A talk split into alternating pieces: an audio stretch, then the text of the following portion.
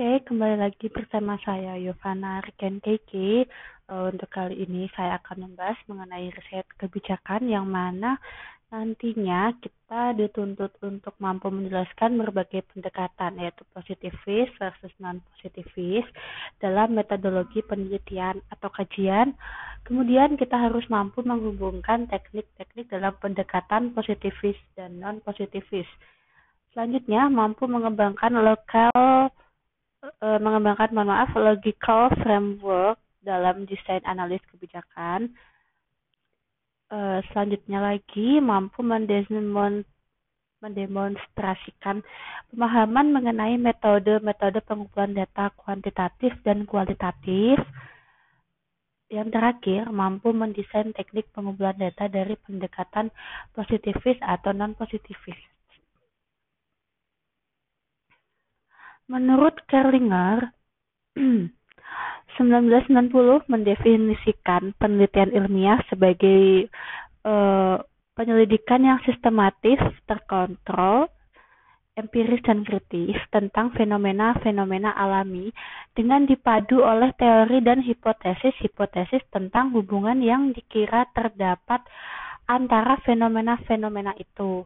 Nah, Metode sebuah penelitian yang bersifat ilmiah akan dilakukan dengan tahapan. Yang pertama, ada rumusan masalah yang hendak dijelaskan. Kemudian yang kedua adalah hipotesis, adanya hipotesis. Yang ketiga, melakukan eksperimen atau observasi. Yang keempat, melakukan uji hipotesis. Dan yang kelima, melakukan penarikan kesimpulan dan generalisasi. Uh, Kerlinger berpendapat bahwa riset dikatakan memiliki bobot ilmiah apabila memiliki ciri-ciri yang pertama, observable atau dapat diamati. Yang kedua, repeatable, dapat diulang oleh orang lain dengan hasil yang sama. Yang ketiga, measurable, dapat diukur dengan indikator kuantitatif. Yang keempat, testable, dapat diuji kebenarannya. Yang kelima, predictable, dapat diramalkan hasilnya. Berdasarkan tujuan yang hendak dicapai, riset dibedakan menjadi uh, riset dasar atau basic, atau yang disebut juga riset teoritis, dan riset terapan atau applied research. Riset dasar ini memiliki tujuan utama untuk mengembangkan teori atau teori building terkait dengan disiplin ilmu tertentu atau paling tidak dikaitkan dengan penemuan hal-hal yang baru terkait dengan disiplin ilmu tertentu. Sementara itu, riset terapan bertujuan untuk memecahkan suatu persoalan tertentu atau bertujuan untuk problem solving. Uh, sebagai sebuah riset terapan, riset kebijakan memiliki ciri-ciri uh, seperti berikut. Menurut Sipri dan Wasci tahun 2011. Yang pertama, riset kebijakan dimaksudkan untuk merespon masalah publik tertentu. Yang kedua, hasilnya dikaitkan dengan proses perumusan suatu kebijakan.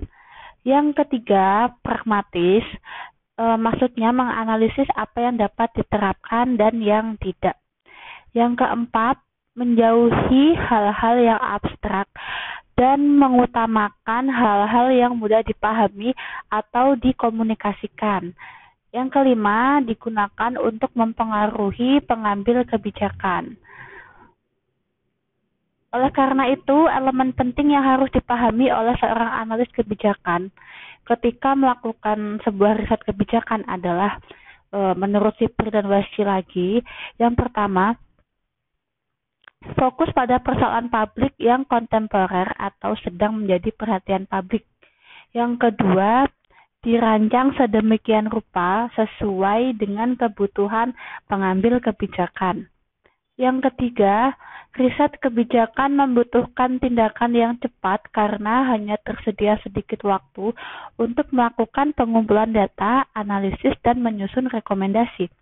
Yang keempat, pragmatis, yaitu rekomendasi harus merupakan hal yang dapat dikerjakan.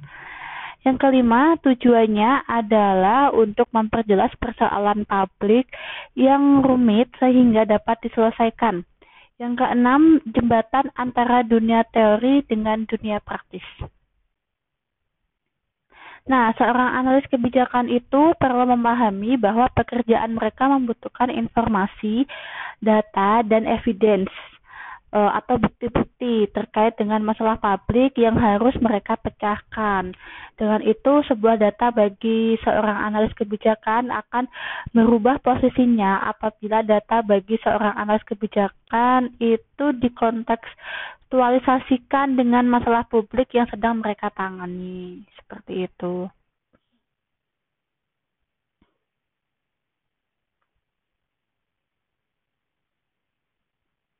Nah, selanjutnya, uh, riset yang bersifat positivistik atau kuantitatif versus riset yang bersifat naturalistik atau kualitatif. Nah, kenapa uh, disebutnya itu positivistik? karena kemunculan metode penelitian ini bersamaan dengan munculnya abad pencerahan atau Renaissance di Eropa Barat sebagai bentuk perlawanan logika berpikir yang negativistik.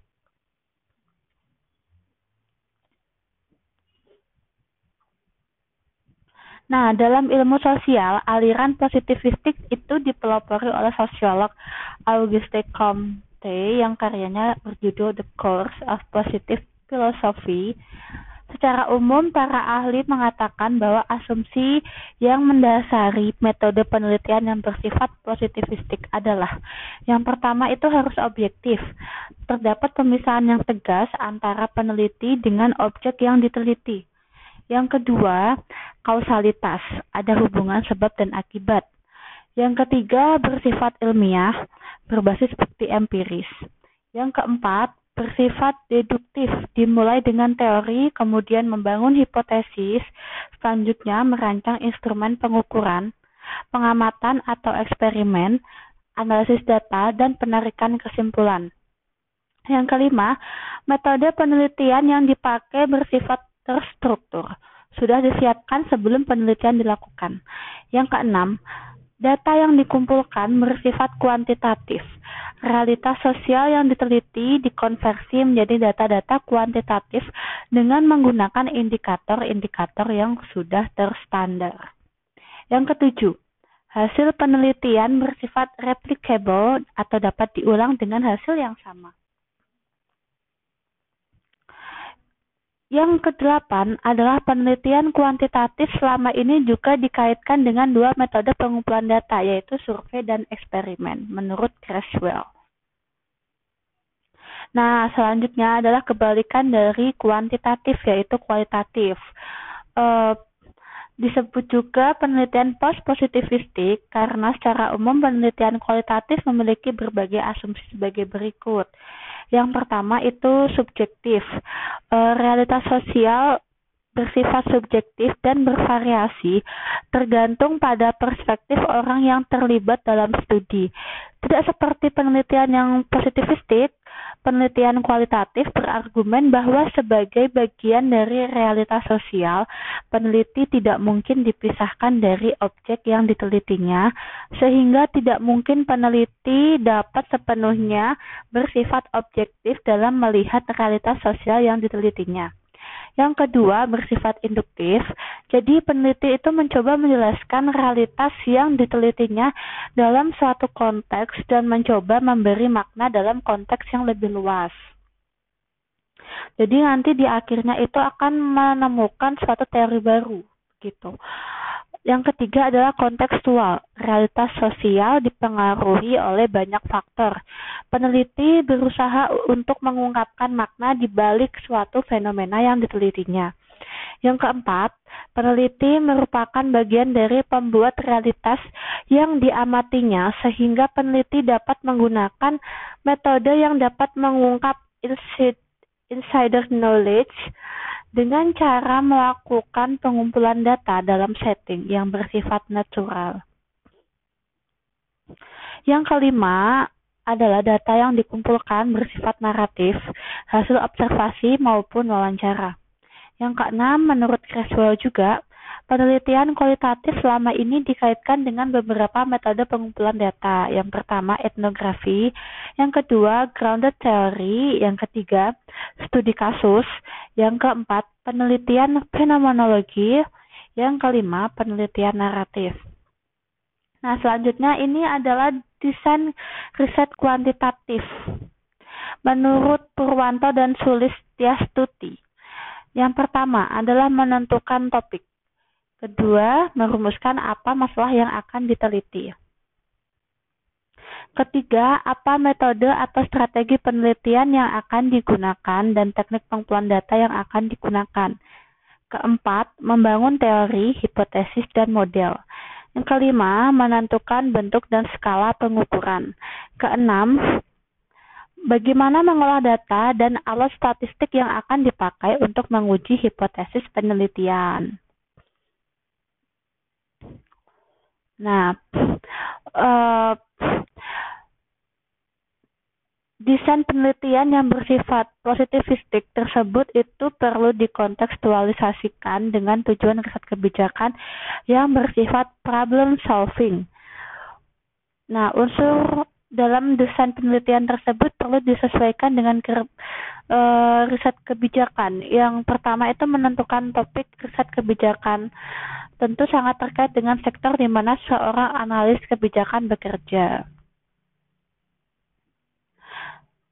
Kemudian yang kedua, merumuskan masalah penelitian itu menduduki posisi strategis dalam kegiatan penelitian.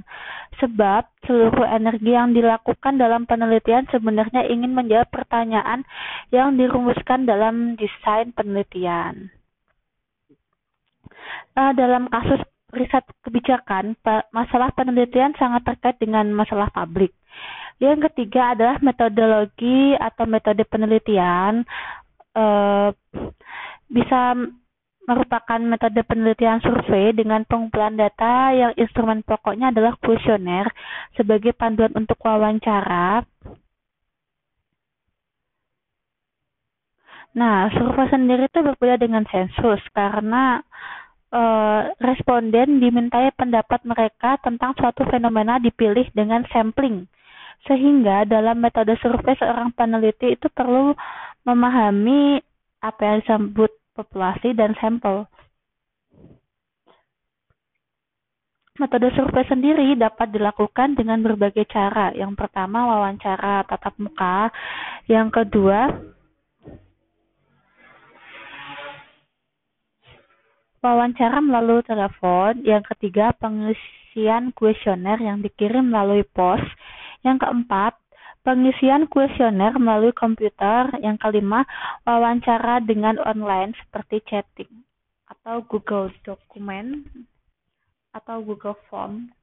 Uh, selanjutnya Metodologi penelitian eksperimental itu sering dipakai dalam riset kebijakan, terutama dalam melakukan evaluasi atas implementasi kebijakan. E, metode eksperimen ini yang dipakai itu yang pertama pre-experimental design, yang kedua true experimental design, yang ketiga itu quasi experimental design. Kemudian yang keempat itu membangun teori, hipotesis, dan model. Uh, dalam penelitian positivistik, realitas sosial yang hendak dijelaskan tersebut dipahami sebagai suatu relasi yang bersifat hubungan sebab dan akibat.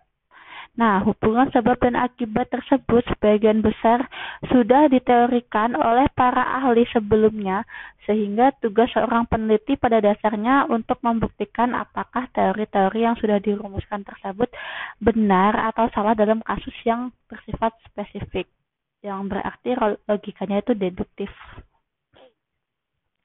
Setelah memilih teori, maka peneliti harus mampu menurunkan teori menjadi konsep variabel dan yang paling rinci adalah indikator. Kemudian yang kelima adalah menentukan data dan skala pengukuran.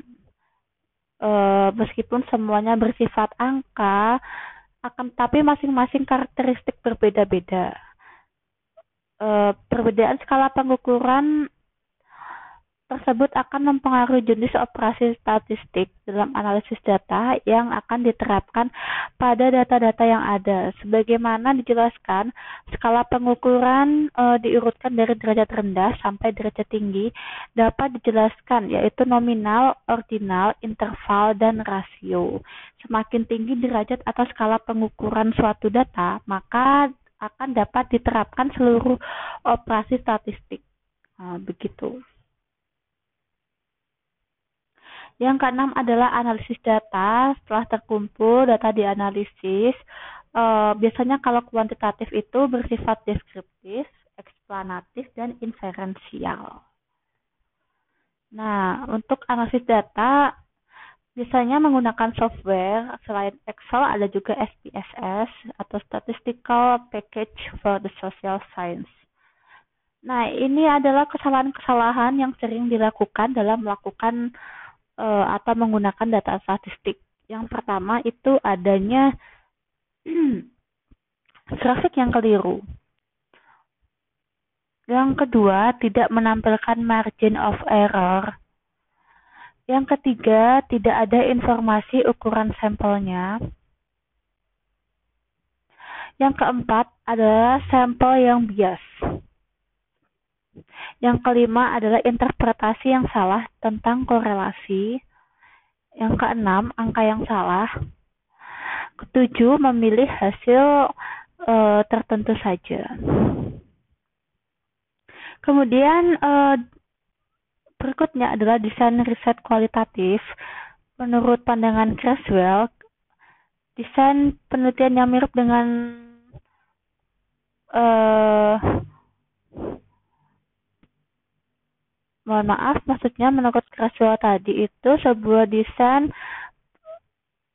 penelitian kualitatif yang baik adalah satu, peneliti harus menerapkan prosedur pengumpulan data yang ketat.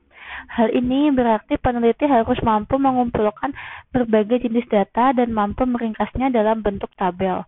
Yang kedua, peneliti merancang penelitiannya dalam suatu framework yang sesuai dengan karakteristik penelitian kualitatif, seperti desain penelitian yang dikembangkan secara bertahap, uh, upaya menampilkan realitas sosial yang jamak, dan peneliti sebagai instrumen utama dalam pelaksanaan penelitian, serta pentingnya memfokuskan perhatian pada pandangan partisipan penelitian.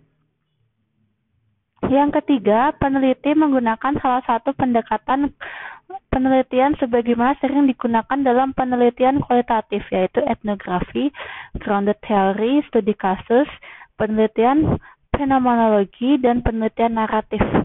Yang keempat, peneliti mulai penelitiannya dengan satu fokus perhatian, yaitu uh, setelah itu dapat dikembangkan menjadi lebih luas. Sebagai contohnya, Peneliti misalnya ingin memahami mengapa sebagian besar rumah tangga yang kepala rumah tangganya perempuan itu miskin. Nah, setelah diperoleh pemahaman yang mendalam, peneliti dapat memperluas pertanyaan-pertanyaan penelitian dengan membandingkannya dengan rumah tangga miskin yang kepala rumah tangganya laki-laki atau sebagainya. Kemudian yang kelima adalah peneliti menggunakan berbagai level abstraksi dalam melakukan analisis data.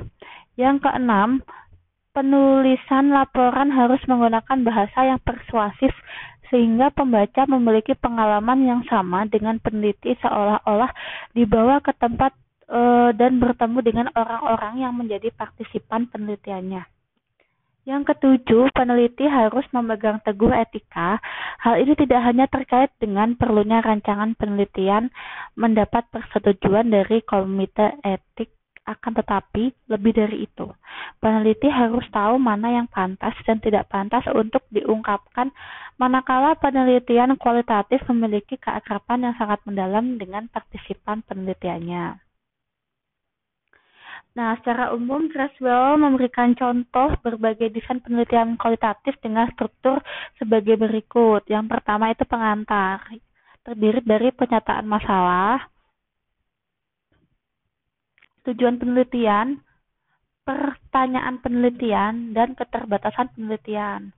Yang kedua adalah prosedur penelitian. yang berisi karakteristik penelitian kualitatif, strategi penelitian, peran peneliti, prosedur pengumpulan data, prosedur analisis data, strategi validasi data, struktur narasi, mengantisipasi isu etika, signifikasi studi, temuan awal hasil penelitian pendahuluan, hasil yang diharapkan, dan lampiran. Nah, berikut ini adalah langkah-langkah yang harus dilakukan peneliti kualitatif. Yang pertama, menurut Creswell, pendekatan naratif dilakukan dengan prosedur sebagai berikut. Per, uh, menentukan apakah persoalan penelitian atau pertanyaan penelitian yang akan dijawab cocok dengan pendekatan naratif. Kedua, pilih satu atau beberapa individu yang memiliki cerita atau pengalaman hidup untuk diceritakan. Luangkan waktu yang memadai dan kumpulkan berbagai informasi yang relevan. Ketiga, kumpulkan informasi tentang konteks cerita yang disampaikan oleh para partisipan penelitian, seperti pekerjaan mereka, keluarga, etnisitas, dan lain-lain, serta konteks waktu di mana cerita itu terjadi. Keempat, analisis cerita partisipan penelitian dan ceritakan kembali dalam framework yang dirancang peneliti sehingga cerita tersebut menjadi masuk akal.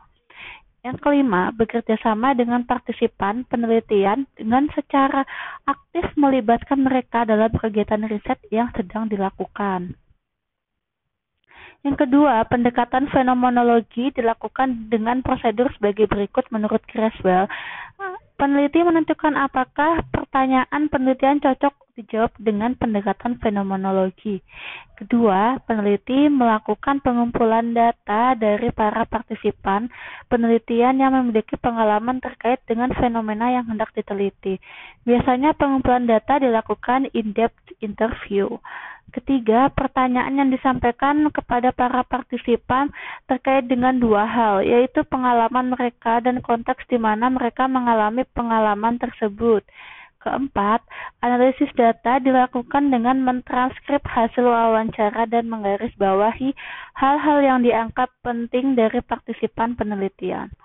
Kelima, berbagai statement dan isu-isu yang dianggap penting akan ditulis dalam uraian yang bersifat deskriptif atau textual description dan juga konteks di mana peristiwa terjadi atau structural description.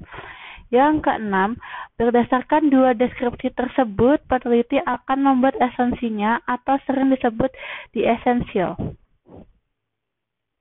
Selanjutnya, menurut Creswell, yang ketiga adalah pendekatan etnografi dilakukan dengan prosedur sebagai berikut.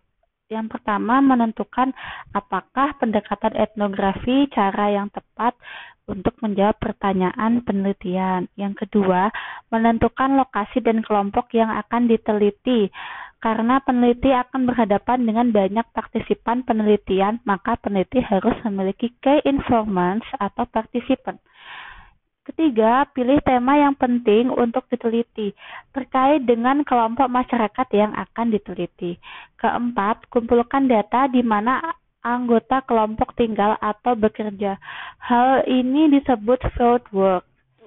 Yang kelima, analisis dilakukan dengan mendeskripsikan berbagai data yang diperoleh melalui field work tersebut. Yang keempat adalah triangul, triangulasi data atau triangulation. Triangulasi merupakan konsep mengkombinasikan teknik metodologi yang berbeda-beda untuk mengatasi kelemahan-kelemahan yang ada pada teknik tertentu.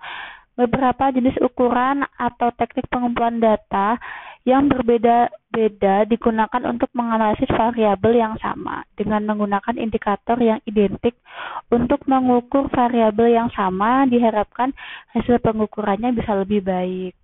Data primer dapat juga dilengkapi menggunakan data sekunder.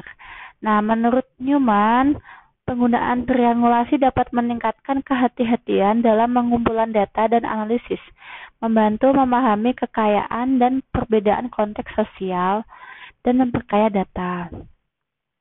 Nah, untuk mengevaluasi kualitas eviden ketika melakukan pengumpulan data, analis dapat pengumpulan data analis dapat melihat bagaimana relevansi eviden tersebut dalam menjawab pertanyaan penelitian dan sejauh mana akurasi dan kedalaman eviden tersebut. Terima kasih atas perhatiannya.